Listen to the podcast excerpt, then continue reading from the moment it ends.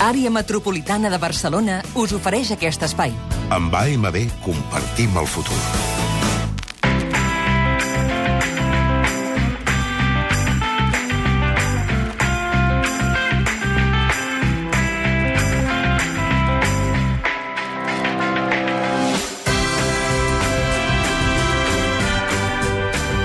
44 minuts de la tarda ens acompanyen en Josep Lambies, en Jordi Nopca i la Montse Barcón. Bravo! Eh, gran moment, gran moment. Per ajudar-nos a fer els bons propòsits per aquest cap de setmana que ja tenim aquí. I el primer propòsit ens el porta Nopca. Calleu. I és fugir a Cadaqués. Vinga, Com va, a fot-li.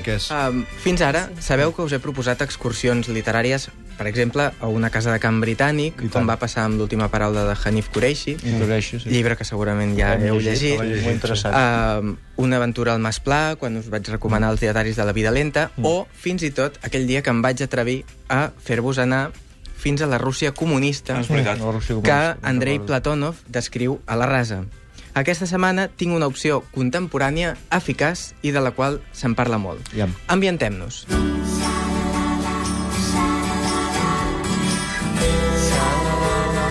ser,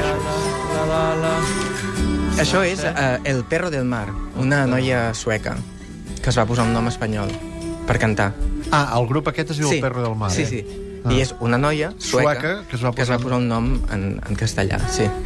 Però l'he triat aquesta cançó per parlar-vos de També això passarà de Milena Busquets, que té com a escenari principal el Cadaqués d'avui, un lloc on la protagonista del llibre, que és la Blanca, se'n va de vacances poc després que hagi mort la seva mare.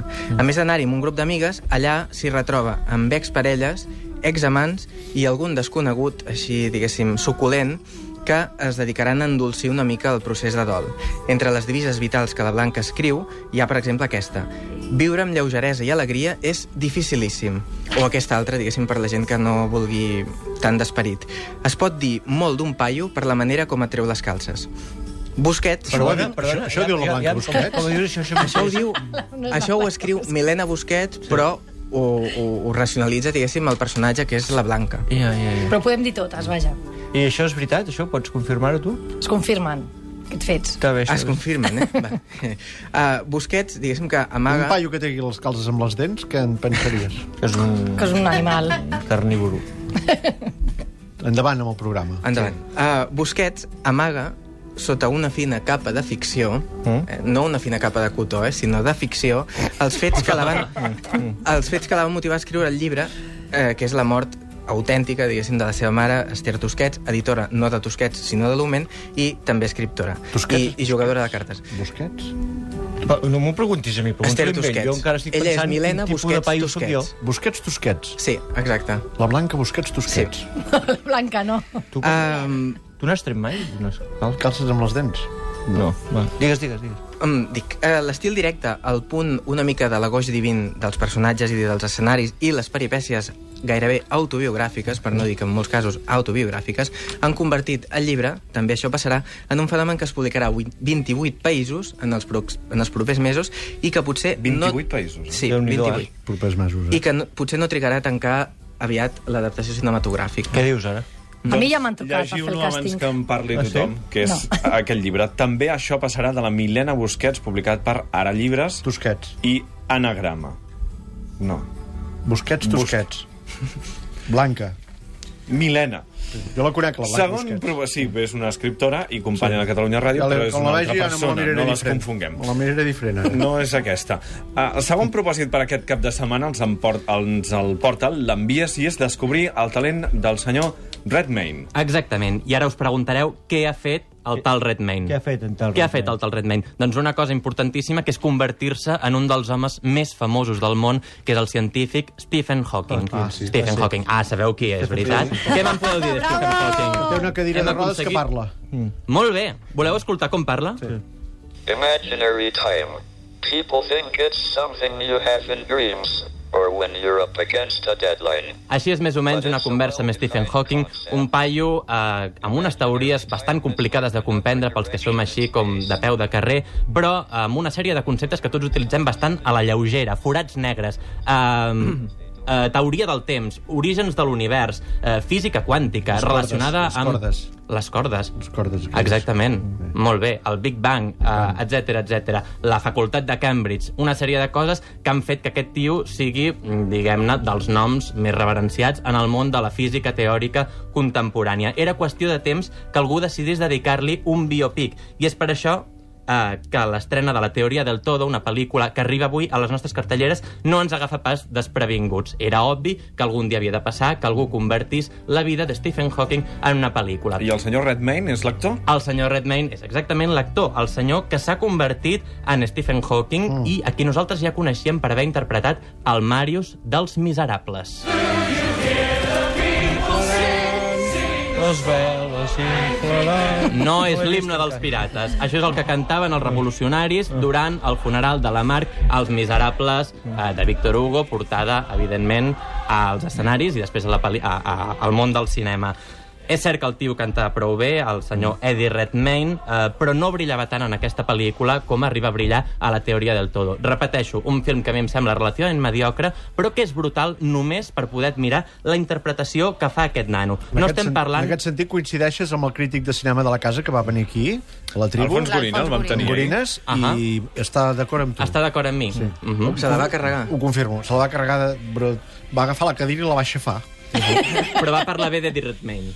De l'actor sí. De l'actor sí. És que lo de l'actor és una cosa absolutament inusual. Home, és no que estem que parlant... els miserables, o sigui, la cara li canvia tant, només amb les fotografies, que jo no he vist encara la pel·lícula perquè s'estrena avui, però només amb les imatges de promoció es veu una feina espectacular de l'actor. Espectacular. No és un paper en absolut eh, que jugui, diguem, amb la profunditat del personatge, amb els seus sentiments, sinó que és un paper molt físic, molt corpori, per arribar a convertir-te en un senyor escleròtic que està condemnat a una cadira de rodes amb el cos totalment dislocat, has de fer una gran feina. I jo realment, veient la pel·lícula, em preguntava què ha fet Eddie Redmayne per transformar-se en Hawking d'aquesta manera tan real, tan absoluta, tan entregada. He estat investigant, resulta que ha estat molt de temps practicant amb un ballarí, un ballarí que li ensenyava posicions de resistència, és a dir, aguantar molta estona en la mateixa postura, unes postures totalment forçades, mm. eh, poc orgàniques, fent veure que estava relaxat. D'aquesta manera t'adones que durant la pel·lícula arriba a controlar el sistema muscular fins al més mínim detall. Quasi sembla eh, que pugui dominar quin ritme eh, li batega el pols al canell amb les petites palpitacions que li fa la pell. Eh, Només per això jo penso que Qui ho va ja mereix Exagerat, eh? Ho una, eh? el Globus d'Or que li van donar aquest diumenge. Explica'm una passió. Dues. Sí, sí, que ell també mereix un globus eh? d'or. Sí, no? el- Jo no sé si mereix un Globus d'or. De tota manera, ara que comencem se l'infla, encara... no? Vist que se l'inflen aquestes venes d'aquí del cos. Les veles... Les, Les venes, les venes. Li surt la passió, li surt la passió en l'envies. La teoria del todo, aquesta pel·lícula mediocre sobre la vida de Stephen Hawking, que ja s'estrena està, avui saps? Amb un gran actor, o com a mínim un gran personatge, que és Eddie Redmayne i que guanyarà l'Oscar. Segurament. Sí. No se sap. Després del Globus d'Or, eh, les porres Ja juguen bastant al seu podem fer favor. una a la tribu de porra. Vinga, comencem ja les travesses. Hem parlat de llibres, de cinema, i ara Teatre, ens toca calleu. el teatre Calleu, ara, la. Montse Barcón perquè tenim una de les grans estrenes de la temporada. El bon propòsit de la Barcón per aquest cap de setmana és fer veure que ets bo i ser dolent, i ser dolent fent veure que ets bo. Rep, doncs, amb el nostre poder vigent encara, la teva recompensa. Et concedim cinc dies. El sisè d'una... Us ho diré clar i català, del dret i del revés, en majúscules i fent el pisical. Aneu a veure el rei Lear. Obligatòriament, tant sí com no, sense excuses de cap tipus. És una lliçó de teatre en tots els aspectes. Començant pel text del mestre dels mestres, continuant per la interpretació de Núria Esper, que és la bèstia escènica, i la resta del repartiment, La bèstia. que brilla... És que és una bèstia. Digues escènica. És que ho alguns noms del veure. repartiment, per favor, Montse Ai, el Ramon Madaula, el Julio Manrique, el David Selvas, Home, la Laura David. Conejero, La Míriam Iscla. la. Buf, no, no, és que és brutal. convida'ls a Ja Rossinyol. ja els Tots ells brillen, un per un i tots en conjunt. També brilla l'espai sonor, l'escenografia, el vestuari... És un luxe, de veritat que és un plaer i una enorme satisfacció deixar-se portar per aquests personatges tan complexos, tan bons i tan extremadament cruels, tan, tan forts i tan dèbils al mateix temps. Com diu el mateix Shakespeare, el teixit de la nostra vida és una barreja de bé i del mal. Les nostres virtuts serien orgulloses sense l'assot dels nostres vicis i els nostres crims serien desesperants si no els abriguessin les nostres virtuts. I en aquest fràgil equilibri es mouen per la passarel·la aquesta galeria d'amor, de traïció, d'engany, de passió, de guerra, de tristesa i de tendresa. El rei Lear vol saber quina de les seves tres filles l'estima més. Mhm. I a partir d'aquí passen gairebé 3 hores sumant la mitja part, sense que te'n recordis anar de 6 dilluns, dimarts, diumenge, si has de posar la rentadora o has de trucar al mecànic, res. Quedes completament abduït per la història i per la feina d'artesà que ha fet Lluís Pasqual amb aquest espectacle tan rodó i tan perfecte. La meva sincera felicitació i agraïment, un aplaudiment per ells i llarga vida al rei Lear, clar. El rei, que en aquest cas és una reina, eh? perquè Núria Espert... Sí, sí, el paper principal fa el- de, el paper fa la Núria principal, el Espert. de rei Lear, en aquesta versió que ha dirigit Lluís Pasqual al Teatre Lliure de Montjuïc fins al dia 22 de febrer, segurament l'esdeveniment teatral de l'any a Barcelona. Nopca, pròxim propòsit per aquest cap de setmana, buscar un lloc des d'on tornar a estimar. Um, aquesta setmana, a més de posar-me així una mica New Age, diguéssim que hi ha un retorn important als taulells, als taulells de novetats. El seu autor, fa uns anys, dedicava un llibre a la seva filla Joana i després d'un càlcul d'estructures que va tenir molta repercussió, sobretot en vendes, es va declarar misteriosament feliç. Uh, deixem, però, que es presenti ell mateix amb la seva veu així forta i solemne. Assegut en un tren miro el paisatge i de sobte, fugaç, passa una vinya que és el llampec d'alguna veritat. Ja el sentiu, no? És Joan Margarit, que acaba de publicar Des d'on tornar a estimar. Si els seus últims llibres estaven marcats per una lucidesa bastant severa, diguem que determinats poemes, per exemple, s'havien de llegir en un bon moment per no, no clavar una estocada fatal al dia, ara eh, hi ha la voluntat de tornar a la tendresa d'alguns dels versos de la primera part de la seva trajectòria que va recollir els primers freds a finals dels 90. Així tot, diríem que qui busqui el Margarit eh, aquest del punt just de Tenebra eh, també li trobarà. En un dels poemes, i per lligar una mica amb, amb Milena Busquets abans, un home observa una dona que dorm en una habitació amb unes calces negres. Estàs, estàs, Eh, avui estàs amb les calces... sí. Ai, només us desperteu quan diuen coses d'aquestes. Tema llançaria.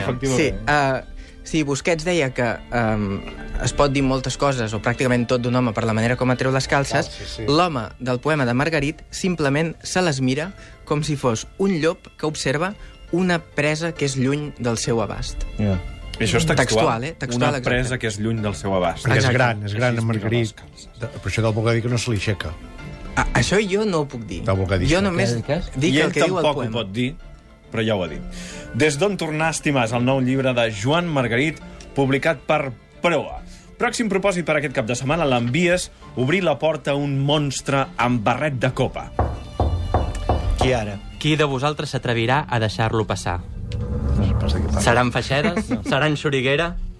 Us adverteixo que aquest monstre que pica a la porta fa molta, molta por. Es diu Babadook i és una mena d'home del sac sortit d'un conte, un conte d'aquells pop-up que fabriquen ara, amb retallables, amb unes il·lustracions de color gris, formes arreloses, molt retorçades, molt terribles. De nit aquest monstre entra a casa, s'arrossega pel parquet, fent un soroll metàl·lic, com si en comptes de cames tingués ganivets, va salivant, va udolant, xiscla, i des de darrere de la porta de l'armari crida això.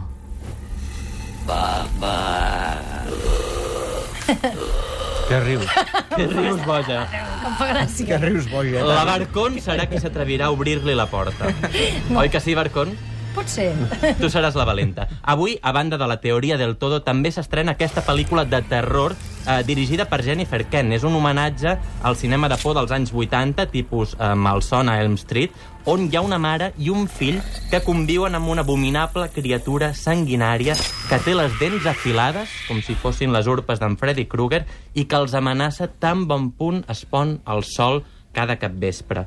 Si no voleu que us ataqui aquesta nit, amagueu-vos bé sota els llençols i per res del món no tragueu el cap. És un llibre d'aquests de pop-up, com deies tu, que passes les pàgines, llibres surten- infantils i surten són els coses, ninots, cartolina. sí. M'agrada molt a mi. Jo no podré veure mai més cap de la mateixa manera com El el havia del Petit Príncep. Així és que surt el Petit Príncep? Sí. I surt la Rosa i tot Sí, això? parit, Amb eh? l'Helena Gadel i tot, Moja, cantant. moja. És molt xulo, eh? Així deu fer el teu. Babadook, No de. Jennifer Kent, és aquesta pel·lícula que s'estrena avui, terrorífica. I Barcon, l'últim Sí. propòsit per aquest cap de setmana, que és fer-se el modern al paral·lel. Acabamos de llegar. Uno sabe que se va para volver, pero qué lindo es regresar. Nos vinimos para el norte. Meta, sello y pasaporte. Pero vaya donde va. Acaben d'aterrar a la sala bars del Paral·lel Alejandro Orlando i Pedro Paiva, dos argentins amb faldilles, un faristol i uns esclops de fusta.